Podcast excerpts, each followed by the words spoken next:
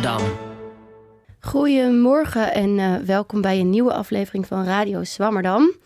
Mijn naam is Mirjam van Zuidam en vanuit Pakhuis de Zwijger in Amsterdam presenteer ik vandaag weer een nieuwe aflevering van jullie favoriete wetenschapsprogramma. En zoals je kunt horen ben ik een beetje verkouden. Uh, mijn stem heeft het dan altijd heel zwaar, dus dat kan betekenen dat het wat zoelere zondagochtend wordt dan jullie van ons gewenst zijn. Maar gelukkig zit naast mij mijn collega Aafke Kok. Die kan de boel overnemen als er niks meer overblijft dan wat kraken en piepen. Maar Aafke, je bent er klaar voor, toch? Ja, zeker. Ik kan inspringen hoor. Oké.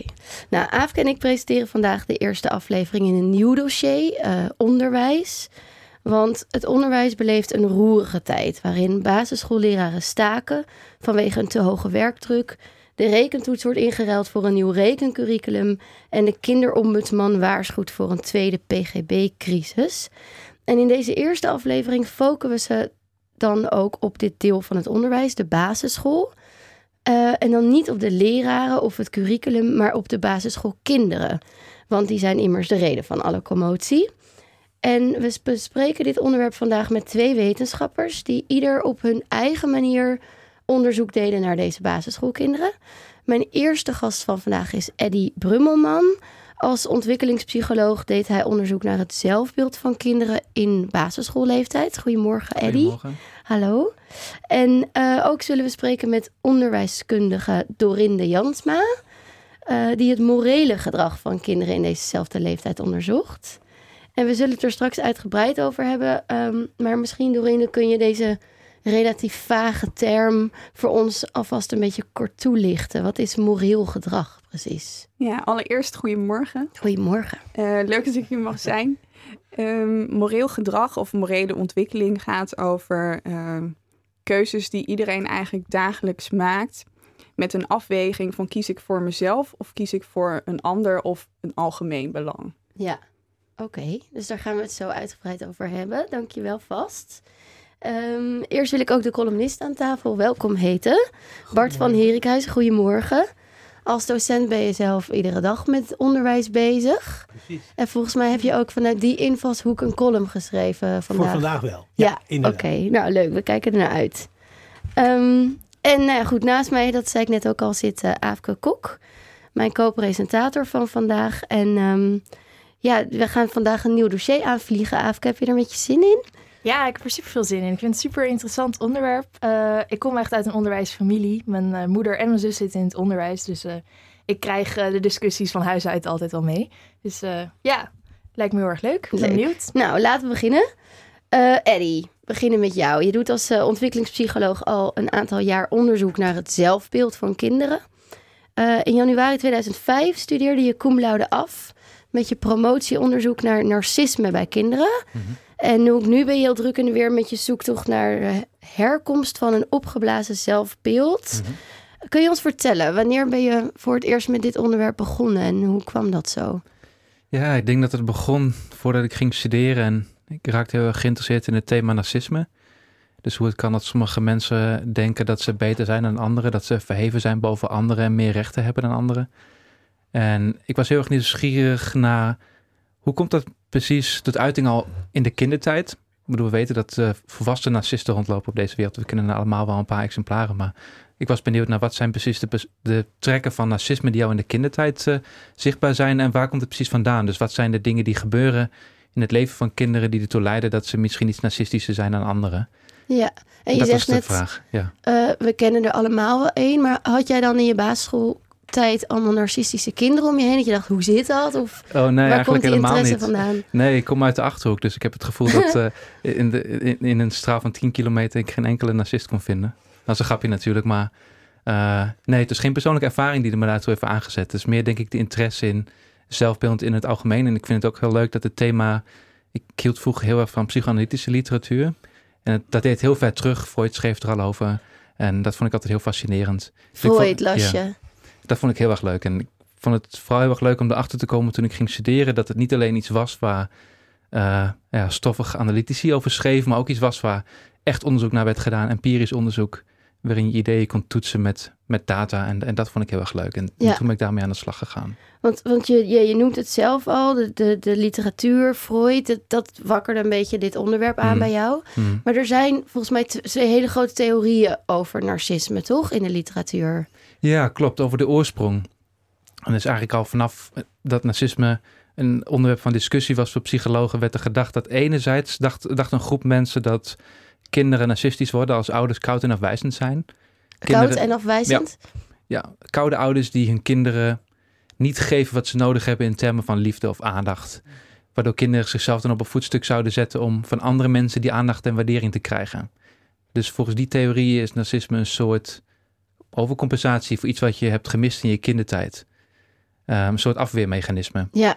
Maar volgens een ander idee is narcisme juist ehm, te begrijpen als iets wat ontstaat als kinderen op een voetstuk worden gezet door hun ouders. Als ouders denken dat, ze, dat hun eigen kind specialer is dan andere kinderen, meer recht heeft dan andere kinderen, overprijst, kwaliteiten van het kind overschat, waardoor kinderen het gevoel krijgen dat ze niet alleen dat ze speciaal zijn en niet alleen dat ze bijzonder zijn, maar ook dat ze constant boven iedereen moeten uitsteken. Ehm, en die twee theorieën heb ik tegen elkaar getoetst. Dus je hebt aan de ene kant mensen die zeggen: oké, eigenlijk kinderen met te weinig liefde Mhm. kunnen narcisme ontwikkelen. En aan de andere kant mensen die zeggen: kinderen die te veel liefde krijgen, kunnen narcisme ontwikkelen. Nou, Het ligt net iets goed? anders. Je kunt denk ik niet te veel liefde ontvangen. Het gaat er meer Oh om ja, dat... dat in, de, volgens de ene theorie is het echt een gebrek aan liefde. En de andere, in de andere theorie is het een teveel aan overwaardering. Denken dat je kind heel speciaal is. En dat hoeft niet per se strijdig te zijn met elkaar. Je kunt bijvoorbeeld een hele koude ouder zijn... en nog steeds denken dat je kind heel speciaal en bijzonder is. Aan de andere kant, je, je kunt ook heel warm zijn als ouder... en denken dat je kind ja, niet per se heel bijzonder of speciaal is. Niet meer recht heeft dan anderen... maar gewoon in verhouding staat tot anderen... op gelijke voet staat met anderen. Het gaat om een waardering. Ik zei liefde, maar dat moet waardering zijn. Nou, je hebt liefde versus overwaardering. Oké. Liefde is bijvoorbeeld iets als bijvoorbeeld eh, eh, aandacht geven aan je kind, tijd doorbrengen met je kind, plezier delen, knuffelen, eh, het gevoel geven dat je kind waardevol is. Terwijl overwaardering is je kind het gevoel geven dat het boven anderen uitsteekt, dat het meer is dan anderen, dat het speciaal is, eh, dat het meer rechten heeft, een voorkeursbehandeling verdient en ja, boven het maaiveld moet uitsteken. Ja. Oké, en dan dus er zijn deze twee theorieën, die bestaan al heel lang, ik weet niet hoe lang. Nou, de eerste keer dat het echt goed werd gearticuleerd is eind jaren 60. Oké, en jij bent ze eigenlijk gaan toetsen. toetsen. Dus je wilde Mhm. het ene bevestigd zien en het andere ontkracht, denk ik. Mhm. Is dat gelukt? Nou ja, ik was totaal agnostisch aan het begin. We wisten dat deze twee theorieën bestonden. Ehm, en we wilden dus gewoon tegen elkaar toetsen. We hadden van tevoren niet een idee welke theorie zou, kunnen, zou kloppen of niet. Oké. En we vonden sterk bewijs voor de tweede theorie. Dus we vonden geen bewijs dat kinderen die bijvoorbeeld een gebrek aan liefde of warmte hebben ervaren, narcistischer worden. Maar we hebben wel gevonden dat als kinderen juist worden overgewaardeerd door hun ouders, dat ze dan juist een, kunnen toenemen in hun narcistische trekken. Is die eerste theorie dan ook nooit door andere mensen bevestigd? Of was het altijd alleen maar een theorie en nooit in de praktijk echt getoetst? Ja, het is heel zelden getoetst. En als het is getoetst, is het gedaan op een manier die. ehm, wat ze hebben gedaan bijvoorbeeld is, ze hebben studenten gevraagd, gewoon volwassen, volwassen mensen, om terug te denken aan hun kindertijd. En dan aan te geven, bijvoorbeeld, mijn, mijn ouders waren heel koud tegen mij toen ik een kind was, toen ik een baby was. Eh, eh, of mijn ouders vonden me heel speciaal en bijzonder. En vervolgens aan die mensen gevraagd hoe narcistisch ze zijn. Je kunt je voorstellen dat iemand die narcistisch is zijn eigen geschiedenis heel anders weergeeft en ook heel anders herinnert dan iemand die dat niet is. Dus wij wilden niet afgaan op herinneringen die twintig jaar teruggaan naar een tijd die je misschien helemaal niet kunt herinneren, maar we wilden kinderen volgen op het moment dat dat daadwerkelijk gebeurt, dat ze daadwerkelijk nog worden opgevoed door hun ouders. En we wilden niet aan kinderen zelf vragen hoe ze worden opgevoed, maar aan ouders vragen hoe ze hun kinderen opvoeden. Ja, interessant. Nou, we hebben het nu al een tijdje over narcisme, maar misschien kun je even kort uitleggen, wat, wat is narcisme precies? Hoe uitzicht dat? Mhm. Ja, veel mensen denken dat het een stoornis is. Iets wat je wel of niet hebt. Eh, het is eigenlijk gewoon een persoonlijkheidstrek. Het Oké. bestaat wel zoiets als een eh, narcistische persoonlijkheidsstoornis. Het komt bij heel weinig mensen voor. En dat betekent dat je gewoon een extreem hoge mate van narcisme hebt. Wat vervolgens je dwars zit in je leven. Maar narcisme betekent eigenlijk, het is onderdeel van je zelfbeeld. Ehm, het betekent dat je jezelf superieur voelt aan andere mensen.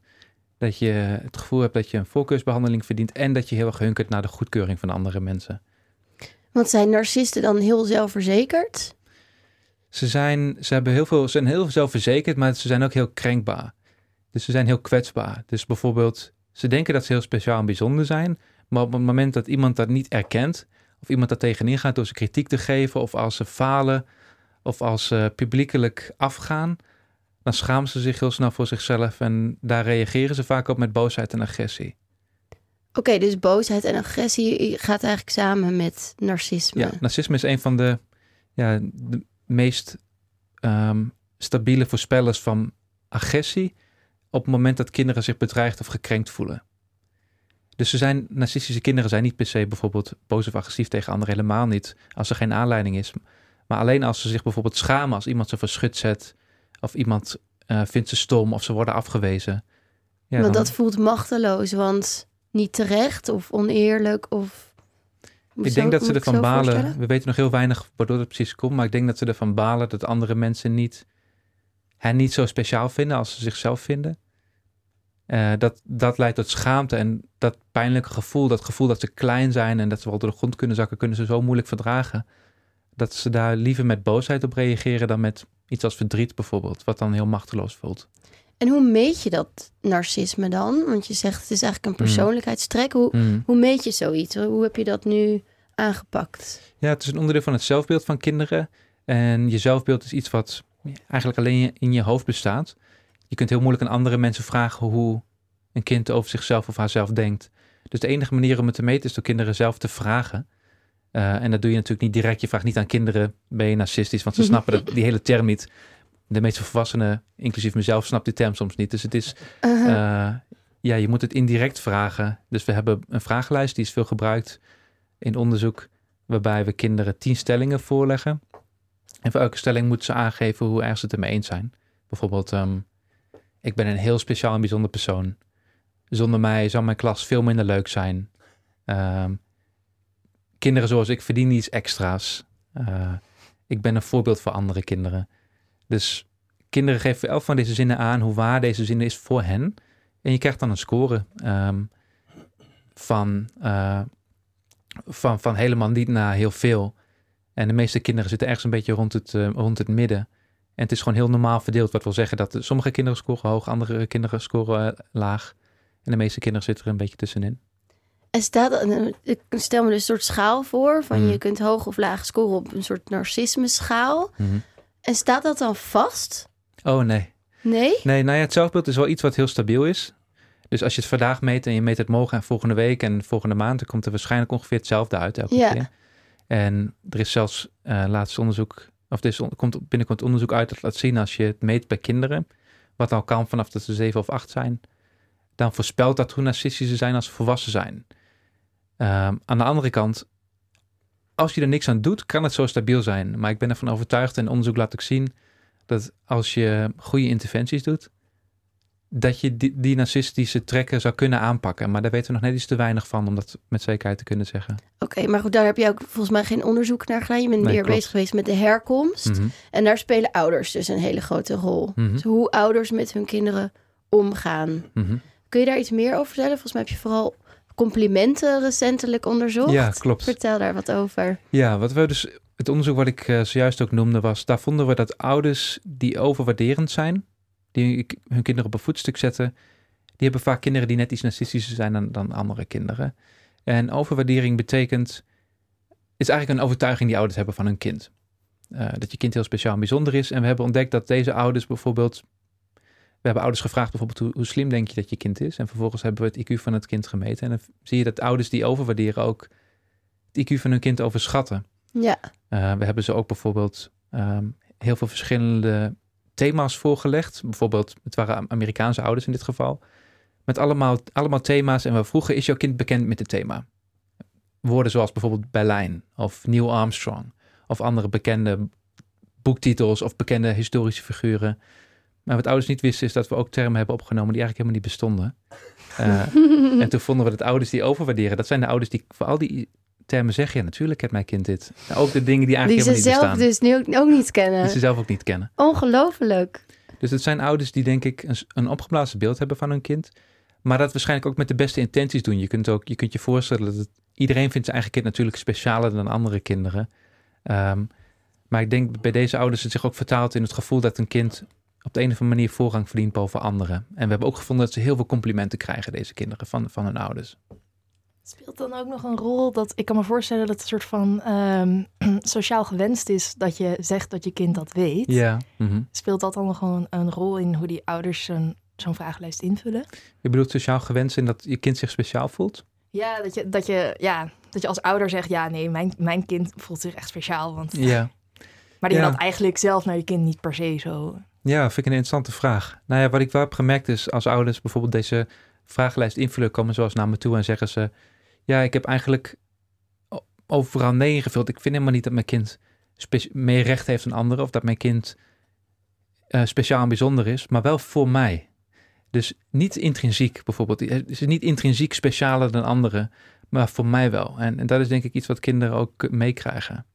Van ouders die, die dat doorhebben, dat verschil. Ja, dat zouden dan denk ik iets minder narcistische kinderen worden. mhm, mhm. Maar wat is dan precies de reden eh, dat overschatting van je eigen kind. Wat is daar eigenlijk verkeerd aan? Is het, is het pas verkeerd op het moment dat je dat ook gaat naar uiten naar je kind? Of kun je Mhm. dat misschien wel helemaal niet voorkomen? Maar Ja. waarom, waarom is die invloed zo groot? Kun je Er zijn zelfs onderzoekers die zeggen dat het een beetje overschatten wel goed is. Oké, Ook dat je je kind bijvoorbeeld heel veel positieve kenmerken toedicht die er misschien helemaal niet zijn. En volgens evolutionair psychologen is dat nuttig omdat je dan eigenlijk kosten nog moeite bespaart om in, in je kind te investeren. Om te zorgen dat je kind alles uit het leven haalt. ja. Ehm, aan de andere kant, ik denk wat overwaardering onderscheidt van overschatten, is denken dat je kind intrinsiek boven anderen verheven is. En dat is een overtuiging die net iets anders is dan overschatten. Dus overschatten is niet per se slecht. Oké, Ik denk dat iedereen, elke ouder, een heel positief beeld van zijn kind heeft. Soms misschien niet gebaseerd op de realiteit, en dat is helemaal niet erg. Maar ik denk wat, waar het in dit geval om gaat, is een overtuiging dat je kind intrinsiek meer is dan anderen of beter is dan anderen. En dat uit zich dan bijvoorbeeld in complimenten. Dus dat je opgeblazen complimenten geeft aan je kind. Ja, en dat is later onderzoek. We hebben gevonden dat ouders die overwaarderen sowieso gewoon heel veel complimenten geven in allerlei verschillende vormen. En we hebben laatst ook ontdekt, we hebben laatst onderzoek gedaan en ik denk dat je daarna hint ook naar opgeblazen complimenten. Ja, Ehm, complimenten zoals, eh, wat heb je een ongelooflijk mooie tekening gemaakt? Versus, wat heb je een mooie tekening gemaakt? Of wat heb je dat fantastisch gedaan? Versus, wat heb je dat goed gedaan? Ehm, wij waren heel benieuwd, maar wanneer geven ouders nou zulke complimenten en welke invloed heeft dat op Ja. de zelfbeeldontwikkeling? En we hebben ontdekt dat ouders die complimenten vooral geven aan kinderen met lage zelfwaardering. Dat is iets anders dan narcisme. Zelfwaardering betekent dat je jezelf waardevol vindt als persoon. Terwijl narcisme betekent ik voel mezelf verheven. En dat kan los van elkaar bestaan. Ehm, en we vonden dat ouders dus die opgeblazen complimenten vooral geven aan kinderen die niet zo blij zijn met zichzelf. Kinderen met lage zelfwaardering. Waarschijnlijk met de goede intentie om die kinderen een gezonde zelfwaardering mee te geven, om het op te krikken. ja, En we vonden juist het tegenovergestelde. We vonden dat hoe meer opgeblazen complimenten ouders gaven, hoe lager de zelfwaardering van kinderen, kinderen gemiddeld genomen eh, werd na verloop van dus tijd. het werkt eigenlijk averechts. Ja, dit is eh, een correlationele bevinding, wat betekent het een voorspelt het ander. En er moet nu nog onderzoek komen naar, is het een causale invloed? Betekent het echt dat die complimenten die lage zelfwaardering veroorzaken? Ja, Of hangen ze daar alleen mee samen? Precies, Ja, ja, oké. ja. En hoe heb je dat dan onderzocht? Zeg maar, ben je bij kinderen thuis gaan kijken wat voor complimenten die ouders gaven? Of Ja, dat is precies wat we hebben gedaan. ja? Ja, we hebben uh, ouder-kind interacties geobserveerd. Ehm, en we hebben ehm, vervolgens ouders en kinderen een taak laten doen. En we hebben gekeken hoeveel complimenten ouders gaven. En ook of die complimenten bijvoorbeeld opgeblazen of niet opgeblazen waren. Ja, oké. Is dat ook cultureel bepaald? Zeg maar wat voor soort complimenten je geeft? Want nou ja, je, je noemde dat in Amerika dat je daar onderzoek hebt gedaan. Mhm. En bij Amerikanen heb ik gewoon vanzelfsprekend het idee dat die wat overdrijven. Ja, Het is een stereotype, ik weet helemaal niet of dat zo is. ja. Maar is dat ook cultureel dus bepaald hoeveel, eh, nou ja, overcomplimenteer, zeg maar, dingen gebeuren en of je dus dan narcistisch wordt? Is zijn er Mhm. in bepaalde culturen ook meer narcistische trekken te vinden dan in anderen. Ja, ik denk dat je dan in de eerste plaats, wat betreft die verschillen tussen opvoeding, tussen, in opvoeding tussen culturen, dat is zeker het geval. Dus er zijn wat studies naar bijvoorbeeld hoeveel complimenten ouders geven als kinderen iets een taak aan het doen zijn. En dan die hebben, hebben ze bijvoorbeeld Amerikaanse ouders vergeleken met Azi Aziatische ouders. Oh ja. Of um, Europees-Amerikaanse ouders met Aziatisch-Amerikaanse ouders. Die allemaal in Amer Amerika wonen, maar net een andere cultuur hebben. En dan zie je dat um, juist Europees-Amerikaanse ouders meer complimenten geven.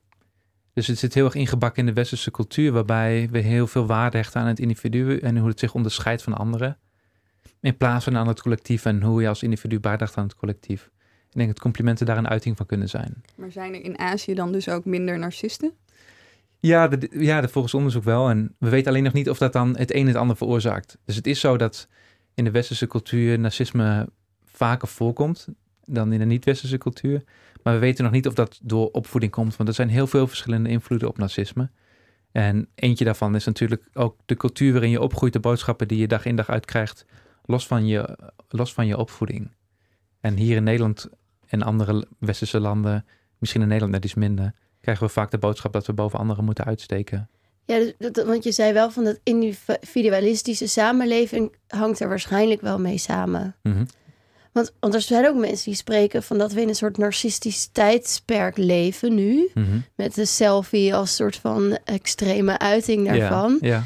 Ehm, ja zou, zou je dat ook kunnen stellen? Zeg maar, zijn kinderen die nu opgroeien meer vatbaar voor narcistische karaktertrekken dan kinderen van uh, uit de jaren 50 bijvoorbeeld? Ja, er is een heel groot debat gaande in de, in de, in de wetenschap. Klinkt misschien een beetje suf, maar simpel gezegd. Sommige mensen denken ja, het is heel erg toegenomen de afgelopen decennia.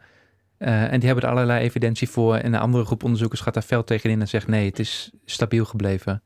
Uh, ik denk dat we het definitieve antwoord nog niet gehoord hebben, maar we kunnen wel stellen dat wij in de westerse wereld, in verhouding tot andere delen van de wereld, wel narcistische zijn. Dus of het nou een narcistisch tijdperk is of niet, is misschien niet zo heel belangrijk. Dat narcisme vaak voorkomt, dat weten we zeker. Ja, maar we hebben het nu vooral gehad dus over wat, wat ouders beter kunnen doen. Dus bijvoorbeeld betere complimenten geven die niet opgeblazen mhm. zijn. Mm. maar ja, dit dossier is natuurlijk onderwijs. Dus we vragen ons ook erg af, wat, wat, kunnen, wat kan op school gedaan worden? Kunnen docenten hier nog een rol in spelen of klasgenootjes? Mm Ja, ik denk dat het voor leerkrachten denk ik ook goed is om stil te staan bij het zelfbeeld van kinderen. Um, bijvoorbeeld, wat ik met je niet goed genoeg heb benadrukt, is dat het hebben van hoge zelfwaardering voor kinderen heel erg belangrijk is. Dus um, niet per se narcistisch zijn, maar simpelweg tevreden zijn met jezelf als persoon. Blij zijn met jezelf. Um, is ook minder kans om bijvoorbeeld angstig te worden of depressief te worden. Um, ik denk als leerkracht dat het goed is om stil te staan bij ja, hoe denken kinderen over zichzelf. En als ze problemen zien of aanvoelen dat kinderen niet zo blij zijn met zichzelf, uh, daar stil bij staan en afvragen hoe dat kan. Ja, en kunnen we kinderen elkaar nog helpen? Ja, ik denk dat kinderen elkaar altijd kunnen helpen. Ik bedoel, goede vriendschappen is denk ik een van de belangrijkste voorspellers ook van zelfwaardering bij kinderen. Als je je sociaal ingebed voelt en je voelt je gewaardeerd, dan ben je over het algemeen ook tevreden met jezelf als persoon. Want daar baseren we het toch op. Ja, oké. Denk je ook dat, uh, aangezien in het onderwijs die kinderen met heel veel leeftijdsgenootjes bij elkaar in een klas zitten, zou ik zeggen, dan heb je meer kans om elkaar met elkaar te vergelijken. Dat het daardoor juist een plek is om hierop in te grijpen. Nou, ik denk dat het heel erg afhangt van de cultuur die in de klas zit. Want je zou kunnen zeggen, als je met heel veel kinderen in de klas zit, heb je juist heel veel mogelijkheden om te zien hoe erg je op anderen lijkt en hoe je met elkaar overweg kunt. Uh, dus ik denk dat het ervan afhangt. Is er nou een hele competitieve context waarbij er maar één winnaar kan zijn, waarbij het, de succes van de een ten koste gaat van het succes van de ander? Of is het de context waarbij je elkaar helpt en ondersteunt om het beste uit jezelf te halen?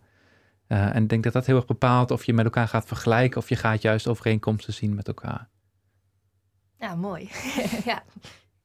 Maar voor docenten, dus stel er, er zijn docenten die luisteren, dan voor hen geldt eigenlijk hetzelfde als voor ouders. Van mm. probeer constructief complimenten te geven. Mm Oké. Nou, we, we hebben toevallig ook een docent aan tafel. Uh, Bart van Herikhuizen. Um, ja, ben jij hiermee bezig met, met hoe je complimenten uitdeelt aan je leerlingen bijvoorbeeld? Nee. En daar gaat mijn column ook helemaal niet over. Ik zou graag een bruggetje willen maken. Oh, dat mag. ik- Ga je gang.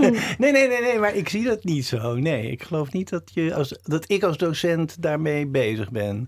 Misschien wel in de situatie waarin je over, over scripties praat, bijvoorbeeld. Oké. Niet zozeer in een werkgroep, want dan krijg je alweer competitie over wie vindt de docent de, de beste student. Maar in een, in, een, in een scriptiesituatie kan het inderdaad wel zo zijn dat je aanvoelt dat je door het door steunende, stimulerende complimenten misschien zelfs ietsje positiever over de scriptie te zijn dan je deep down below bent. Eh, de student probeert naar het eindpunt te duwen. Ja, omdat dat echt zo- zo'n proces is dat heel... Ja, en dan, ja, Ja. en dan kan dat nog wel eens lelijk uitpakken op het moment dat er een cijfer moet worden gegeven. Want dan moet je de waarheid spreken. En dan moet je uitkijken, want dan zegt die student, en je was al die tijd zo enthousiast. Ja, Dus ja, ja, ja. Maar goed, nee, mijn column gaat toch eigenlijk over iets anders. Het is de, het is de eerste aflevering in, de, in het dossier onderwijs. Het dossier, ja. Het dossier onderwijs. Dus ik moest mijn column vandaag onderwijskundig certificeren, patenteren en valideren. En dat heb ik gedaan. Ik heb me gehouden aan de voorschriften van de basiskwalificatie onderwijs, de BKO. Ik zal daarom eerst de leerdoelen expliciteren. Die zal ik daarna operationaliseren in negen eindtermen en twaalf tussentermen. En daarna zal ik naar beste vermogen proberen om daarop te reflecteren. En dan kunnen de luisteraars natuurlijk de column evalueren. Kwalitatief en Ja. kwantitatief. En daarop volgt er natuurlijk een metareflectie van mijn kant. Met als slot een kort leermomentje. nou, Inderdaad. Ja. Inderdaad, er is hier sprake van, dat had je al begrepen, satire. Maar toch, je zou ze niet graag de kost geven, al die docenten in het middelbaar en hoger onderwijs, die gedwongen worden om op deze manier een lessenreeks of een onderwijsmodule van start te laten gaan. De beste manier om enigerlei belangstelling van de leerlingen voor het onderwerp de kop in te drukken, is om in de eerste les al te beginnen over leerdoelen, eindtermen, tussentermen. Meer in het algemeen kun je vakkundig elke interesse de genadeslag toebrengen door je les te beginnen met bijvoorbeeld huishoudelijke mededelingen en inleidende opmerkingen voordat we echt ter zake komen. Sinds ik vier jaar geleden met pensioen ben gegaan, geef ik met een zekere regelmaat gastcolleges. En ik bevind me nu in de benijdenswaardige positie dat ik me niets meer hoef aan te trekken van wat de onderwijsspecialisten didactisch correct achten. Als de hoofddocent die me voor een gastcollege heeft uitgenodigd ontevreden is over wat ik in zijn zaaltje doe, dan is er een eenvoudige straf. Volgend jaar nodig je me niet meer uit. Financiële sancties zijn er gelukkig ook niet meer, want ik beoefen tegenwoordig het onderwijs als vrije tijdswerk. Maar door al die plotselinge vrijheid ben ik de laatste jaren meer en meer op drift geraakt. Ik laat me bij het geven van colleges voornamelijk nog leiden door deze simpele vraag: wat zou ik zelf, als ik nu student was, in de collegezaal graag willen leren?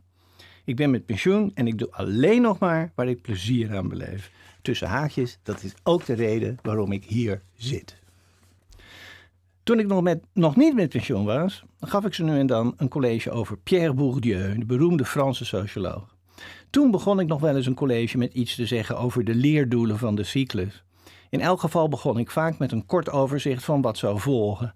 Daarna vertelde ik dan iets over Bourdieu's reputatie in de sociologie. Ik becommentarieerde een PowerPoint met daarop de titels van zijn voornaamste boeken. Ik gaf een overzicht van de beste studies over de theorie van Bourdieu. Ik plaatste de auteur tegen het decor van het Frankrijk waarin hij opvoedde. En als kers op de taart vertelde ik over die ene keer dat ik de meester zelf had mogen interviewen. En dan kwam het moment dat ik zei: Ja, en dan gaan we het nu hebben over de theorie van Bourdieu. Maar eerst is het pauze. Een heel uur lang was er nog niets gebeurd in die collegezaal.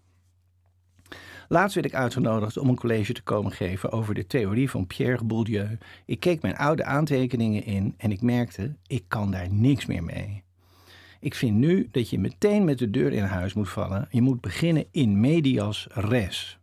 Deze keer begon ik het college met de stelling van Bourdieu dat we allemaal de hele dag door bezig zijn om de wereld om ons heen te ordenen, onderscheiden en klassificaties aan te brengen en dat we, terwijl we dat aan het doen zijn, onontkoombaar demonstreren tot welke sociale klasse we behoren. De een zal zijn eigen klassenpositie met exhibitionistisch genoegen etaleren. Ik had misschien moeten schrijven met narcistisch genoegen etaleren. De ander zal proberen om zichzelf wat moeilijker plaatsbaar te maken, maar we kunnen er niet aan ontkomen dat de andere leden van de samenleving ons al tamelijk snel hebben gelokaliseerd op verschillende maatschappelijke ladders. Al, na een paar minuten, al een paar minuten na de eerste kennismaking zal iemand die mij nooit eerder heeft gezien allerlei hypotheses hebben verzonnen over mij, zoals bijvoorbeeld van welke muziek ik houd of hoe ik mijn huiskamer heb ingericht. En overeenkomstig die vermoeden zal ik dan behandeld worden. En omdat ik het zoals de meeste mensen prettig vind om met egaars te worden bejegend, probeer ik te tonen dat ik niet van de straat ben. Hier begint de hedendaagse klassenstrijd. Inmiddels was mijn Bourdieu-college pas vijf minuten op gang. De eerste PowerPoint-slide met daarop het portret van Bourdieu was nog niet eens door de tweede vervangen, maar de studenten zaten al muisstil te luisteren en aantekeningen te maken. Deze centrale gedachte werkte ik vervolgens uit. Ik gaf allerlei empirische voorbeelden. Ik had het over fotografie, woninginrichting, kledingstijl, soorten whisky, klassieke en moderne schilderkunst, barokmuziek, minimal music, de hiërarchie van de sporten, de CITO-toets, vakantiebestemmingen, automerken. En ik legde uit dat de klik tussen een jongen en een meisje die in café De Engelbewaarder ontdekken dat ze allebei houden van de klaversymbelsonates van Scarlatti en van het canto ostinato van Simeon ten Holt, sociologisch gezien vooral tot doel heeft om klassenhomogeniteit tussen de door deze klik met elkaar verbonden schoonfamilies te verzekeren en zo de positie van de nakomelingen niet te belasten met klasse-incongruentie. Toen ik die 30 variaties op het hoofdthema had laten weer klinken, eindigde ik niet, zoals ik dat vroeger altijd deed, met kritiek op Bourdieu. Dat zoeken de echt geïnteresseerde studenten maar op op het internet. Nee, ik eindigde, net zoals Bach de Goldberg-variaties beëindigt, namelijk door het thema waarmee ik begon nog eens in al zijn glorie te herhalen. Aria da capo e fine, de moderne klassenstrijd is niet minder hard dan in de tijd van Marx, maar in onze tijd wordt die strijd veel nadrukkelijker uitgevochten in de arena van het culturele kapitaal. Een arena die in open verbinding staat met die andere arena waar gestreden wordt om het economisch kapitaal.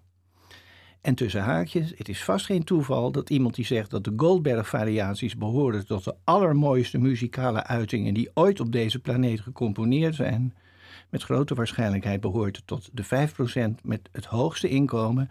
Iemand wiens pianospelende kinderen de aria van de Goldberg-variaties foutloos kunnen spelen. Weliswaar heel langzaam, maar dat is nou juist zo mooi bij zo'n sarabande.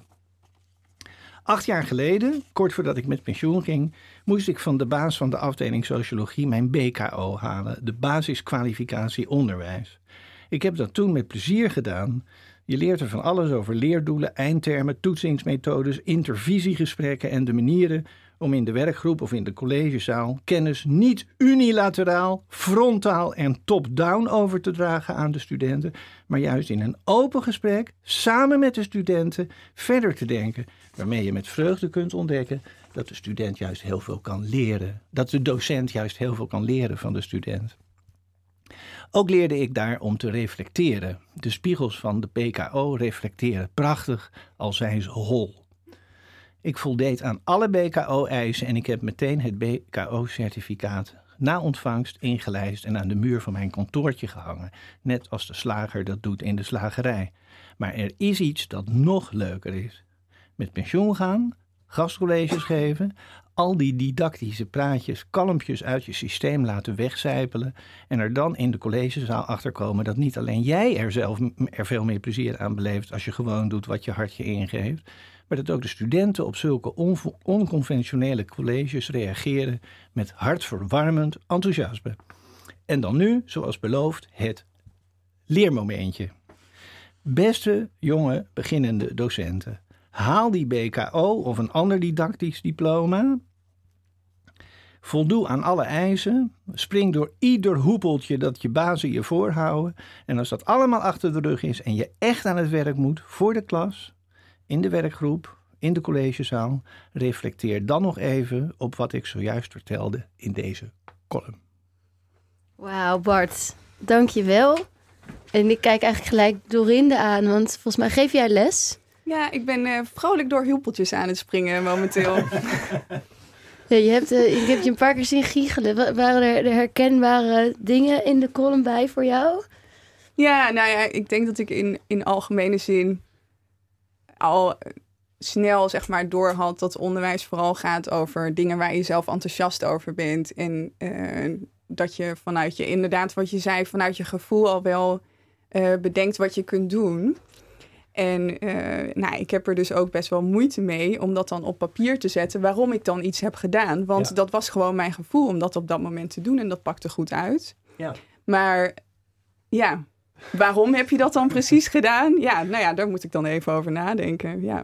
En hangt er bij jou een BKO uh, aan de muur? Nee, hij hangt er nog niet. Ik ben nu door hoepeltjes aan het springen. Oh, oké, oké, sorry, ik begreep dat niet. Oké. ja.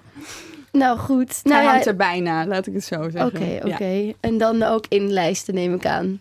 Zeker. Oké, goed zo. Uh, nou ja, um, Dorinde, je hebt er al even kunnen horen, is dus onderwijsdeskundige die onderzoekt, uh, onderzoek doet naar pestgedrag in de klas. En voor we daarop ingaan, Um, we hebben natuurlijk net met Eddie over zelfbeeld gehad. Denk je dat een, een zelfbeeld bij kinderen nog meespeelt in pestgedrag? Is dat een rol ehm, daarvoor weggelegd? Nou, ik kan je vertellen wat ik erover weet op basis van wat ik heb gelezen, want ik heb daar zelf geen onderzoek over gedaan. Maar wat ik, uh, wat ik heb gelezen is in ieder geval dat voor pesters, men denkt wel eens dat die dan uh, een enorm groot zelfbeeld hebben en daarom gaan pesten. Maar dat hoeft niet het geval te zijn. Er is enorm veel variatie in het zelfbeeld van pesters. Dus het is niet per se zo dat als je een laag zelfbeeld hebt, dat je dan gaat pesten. Of dat als je een heel hoog zelfbeeld hebt, dat je dan gaat pesten. Dat, dat, nou ja, dat kan allemaal verschillende zijn allerlei, oorzaken hebben. Ja. Allerlei soorten pesters eigenlijk. Ja.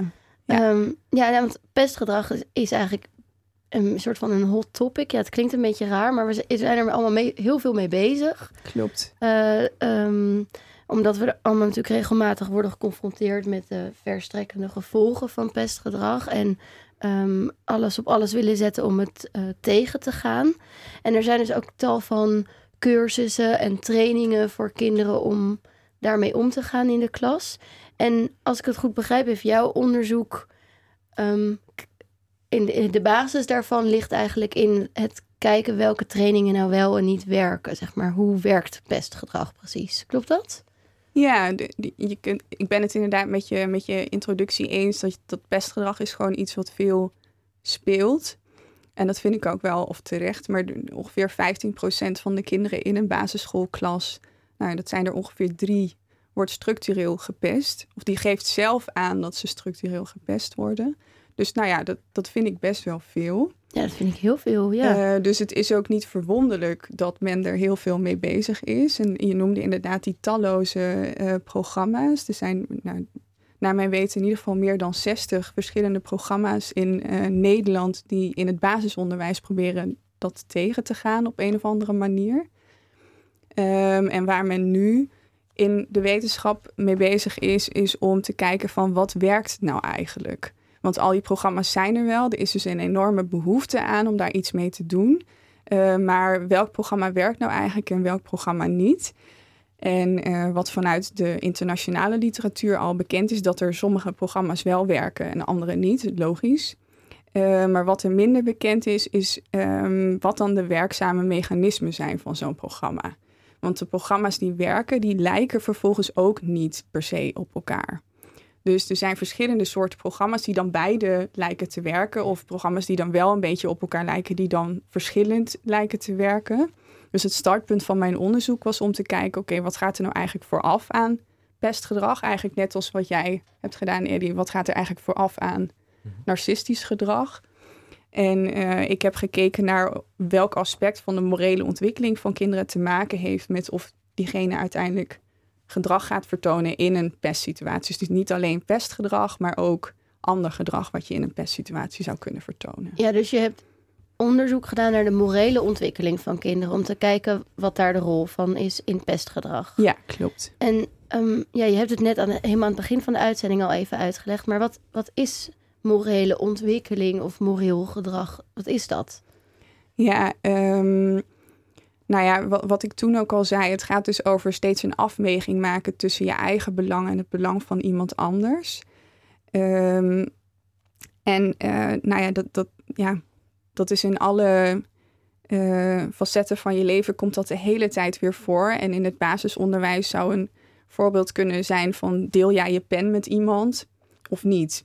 He, dan is het belang van de ander, diegene kan dan ook even kleuren. Ik zat gisteren toevallig in de trein En toen was er een moeder met twee kinderen en die uh, had maar nou ja, één setje kleurpotloden mee, maar wel twee kleurboeken. Ja, toen moesten vervolgens die kleurpotloden gedeeld worden. Nou, dat was een grote strijd. Elke keer was het weer de afweging van het jongste kindje van ga ik nou weer een kleurpotlood afgeven aan mijn zusje of hou ik hem gewoon zelf? Nou ja, dus dat is een voorbeeld van uh, morele ontwikkeling of moreel gedrag. Van kies je voor jezelf, namelijk ik heb alle kleurtjes.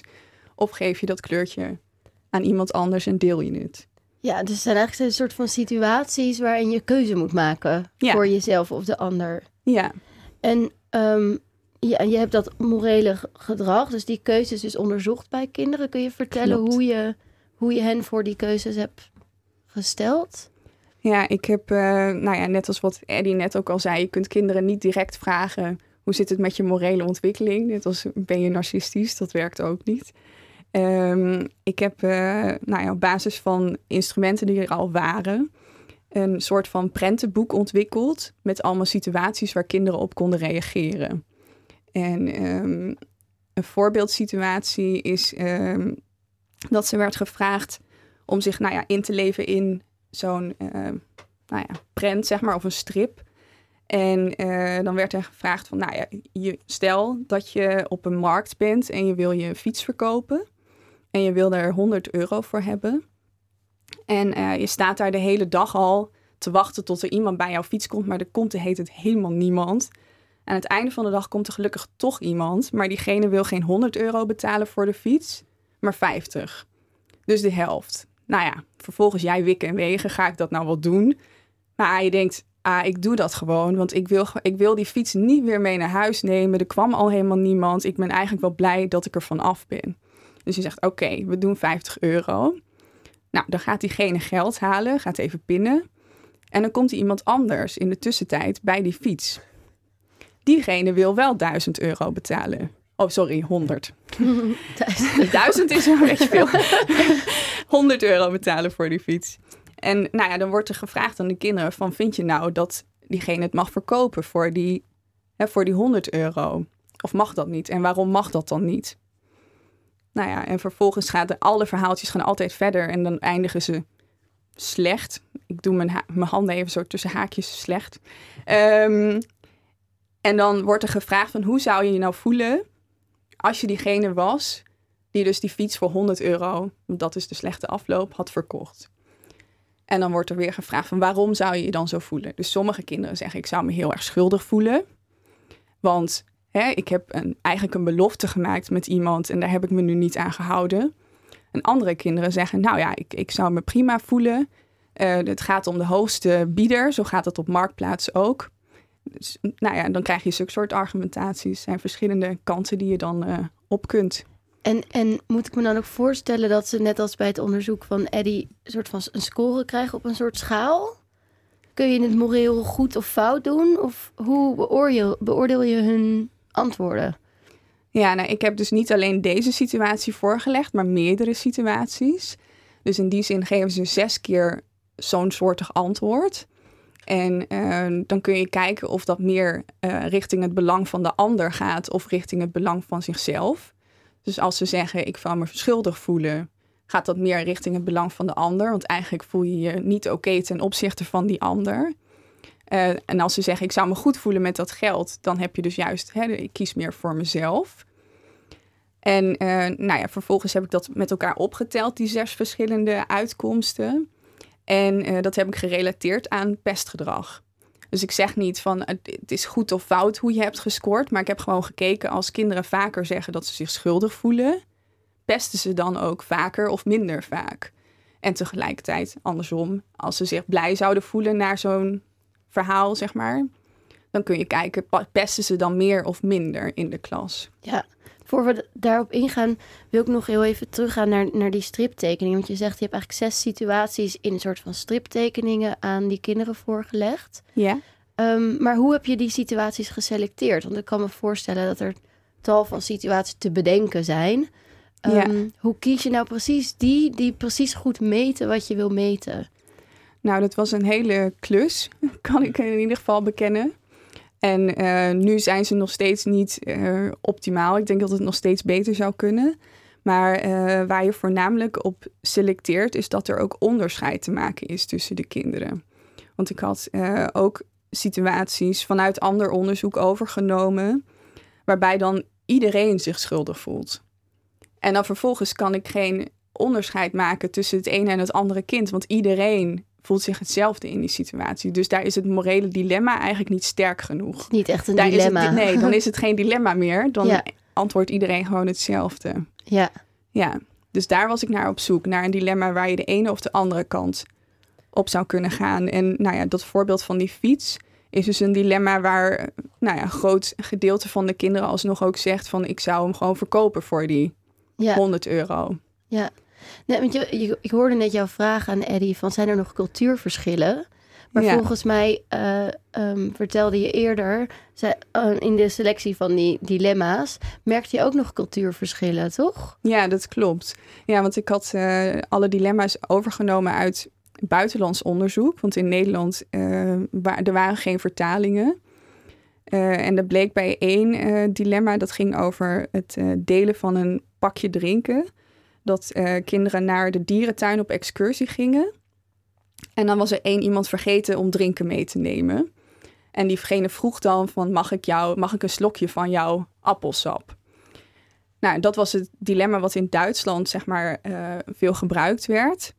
Maar in Nederland werkte dat helemaal niet zo goed. In de zin dat iedereen eigenlijk vond dat je het niet hoefde te delen, alle Nederlandse kinderen. Want diegene kan gewoon naar de kraan lopen en daar dan een slokje water uithalen. Hoezo moet ik mijn pakje appelsap met diegene gaan delen. Diegene had er gewoon maar over na moeten denken dat hij dat meenam. Ja, ja.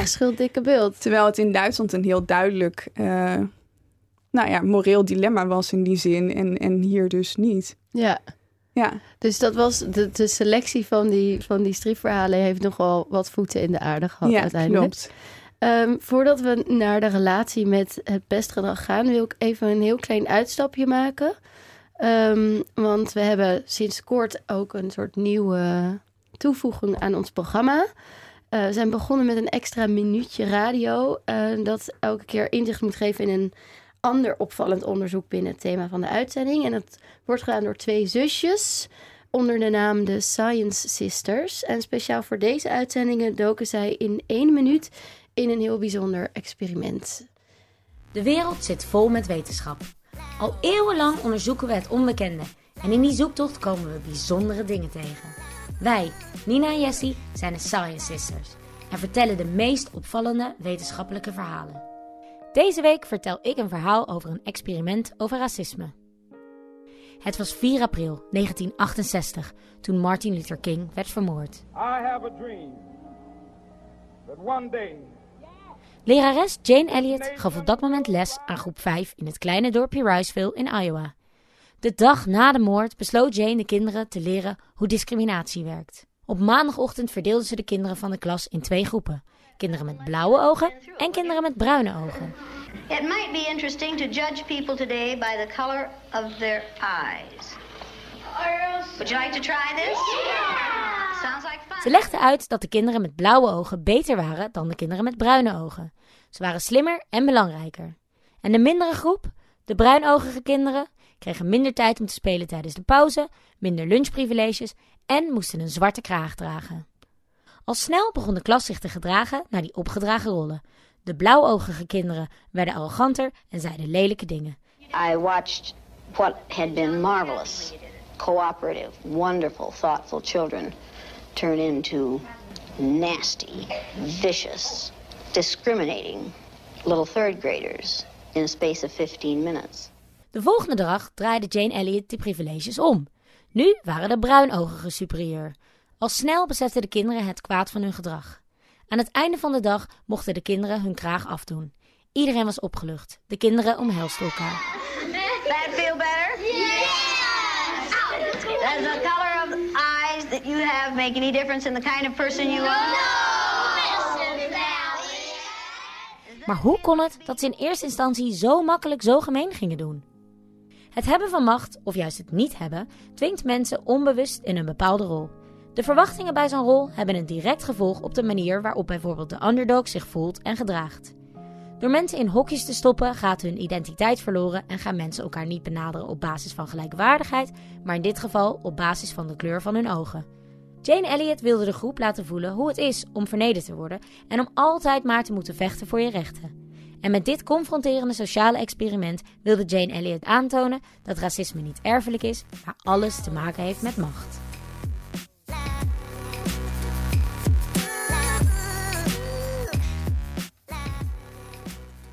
Ja, een, uh, een denk ik wel relatief bekend experiment. Maar ik, ik, moest meteen dus denken aan of dit nou een moreel dilemma was of niet. Dorinde, hoe, hoe denk jij daarover als je dit zo hoort? Um, wat vind je dan direct een moreel dilemma? Van of je dan zo gaat gedragen of niet? Ja, of nou, je dan dus inderdaad die bepaalde groep gaat benadelen of niet? Ja. Als ander kind zijnde zo? Ja, Ja, nou, dan is het inderdaad een moreel ja, dilemma. Zou, zou er Ja. verschil zijn tussen die kinderen in hoe, ze, hoe eh, gevoelig ze hiervoor zijn, bijvoorbeeld? Nou, ik denk, ja, ik denk het wel. Ik denk dat bepaalde kinderen daar makkelijker in meegaan dan anderen. Maar tegelijkertijd dat iedereen er uiteindelijk wel in meegaat, verbaast me niet. Nee? Eh, nou, mensen zijn gewoon heel erg, of mensen in het algemeen zijn heel erg gevoelig voor, voor macht. Maar kinderen eh, nog, of nog meer, maar die zitten natuurlijk ook in een situatie waar ze eigenlijk altijd al moeten luisteren naar de leerkracht. Ja. Dus, dus eh, in die zin zitten ze constant in een machtssituatie en doen ze eigenlijk niks anders dan wat ze normaal zouden doen misschien. Ja, dus het, het feit dat die, die, die juf, de autoriteit, hen zegt zich zo Ja. te gedragen, dat is voor hun natuurlijk Ja. een heel belangrijk gegeven. Nou ja, en daarom kun je dus als, als leerkracht, zeg maar, als het gaat over narcisme, maar ook over de morele ontwikkeling, dus ook best wel wat ehm, betekenen.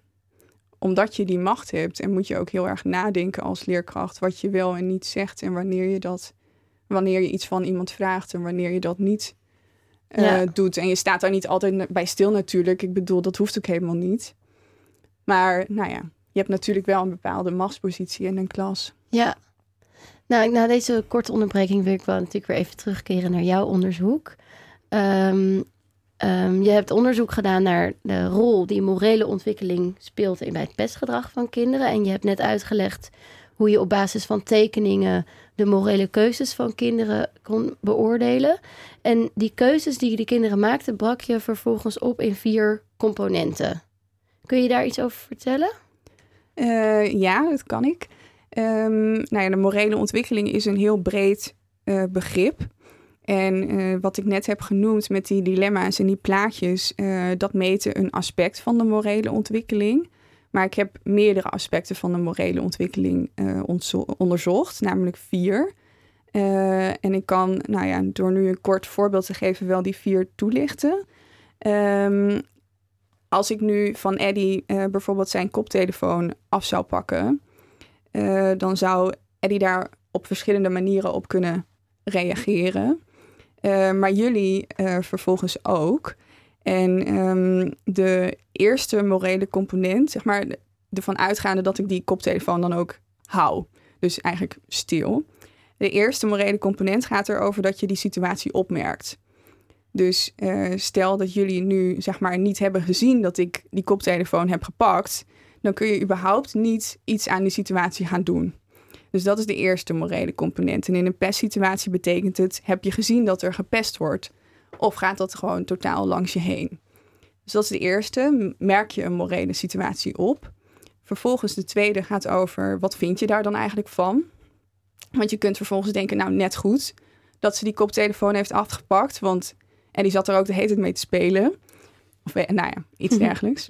En in een pestsituatie kun je denken, oh net goed dat diegene eens te grazen wordt genomen, want diegene is ook heel vervelend. Of je kunt denken, oh ik vind het eigenlijk niet oké, want diegene nou verdient het niet om zo behandeld te worden. Dus dat is de tweede, van wat vind je daar dan eigenlijk van? De derde component gaat over, ben je vervolgens gemotiveerd om er iets aan te doen? Want je kunt wel denken, ja, ik vind het niet oké dat die koptelefoon is afgepakt. Maar ja, het is niet mijn pakje aan. Ik ga er niks eh, mee doen vervolgens. Dus dat gaat over, ben je gemotiveerd om er iets mee te doen? En de laatste morele component gaat over ehm, of je dan eigenschappen of, nou ja, ja, laat ik het eigenschappen noemen, hebt die het mogelijk maken voor jou om daar op een goede manier iets aan te doen. Want je kunt nu uh, in het geval van de koptelefoon, nou, je hebt het gezien, je wil er iets mee, je vindt er iets van. Uh, zou je hem van mij af kunnen pakken? Hè, net als dat ik heb gedaan. Of je zou kunnen zeggen: hé, hey, waarom heb je die koptelefoon gepakt? Er zijn verschillende manieren waarop je dan kunt reageren. Handelt. Ja. En ja. Um, kinderen reageren, hebben dus kunnen op al die componenten weer anders scoren. Ja. En was er vooral opvallend wat pesters uh, scoren op deze componenten. ja, ik. nou ja, ik heb gekeken welke van die vier componenten het meeste samenhing met pestgedrag. En dat bleek de laatste te zijn. En wat betekent dat?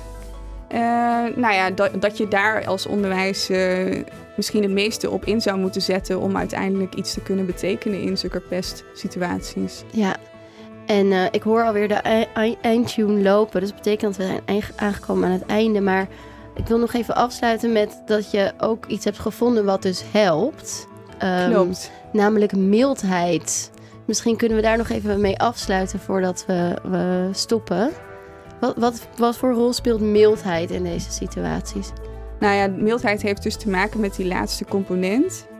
En ik heb vervolgens een programma ontwikkeld voor het basisonderwijs en ook uh, met een experiment uitgeprobeerd of dat helpt om het pesten tegen te gaan. En in hele korte bewoordingen hielp het zeker om daar iets mee te doen.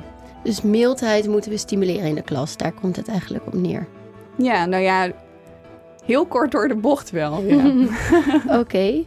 Um, nou ja, ik kan in ieder geval zeggen dat we heel veel hebben geleerd vandaag in dit uh, nieuwe dossier. Het dossier onderwijs dus. Um, de eerstvolgende uitzending in dit dossier is op zondag 29 november. Dan spreken Afrika en ik met vakdidacticus Carla van Bokstel en hoogleraar onderwijskunde Monique Volman. En gaan we het onder meer hebben over leeridentiteit en de geschiedenis van het onderwijs.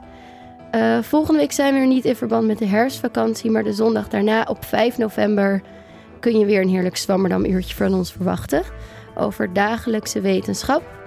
Uh, voor nu wil ik mijn gasten bedanken, Eddie Brummelman en Dorinde Jansma. Heel erg bedankt. Ik geloof dat Eddie gelijk doorgaat naar Schiphol.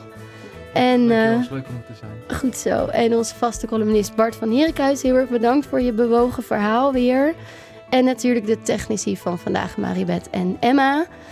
En uh, natuurlijk jullie luisteraars, vergeet je niet te abonneren. En uh, kom een keer live langs in de studio. We hadden een gast vandaag, dat is heel goed uitgepakt. Um, het was voor iedereen een groot succes. In ieder geval hartelijk dank. Mijn naam was Mirjam van Zuidam. Dit was Radio Zwammerdam. Fijne zondagochtend.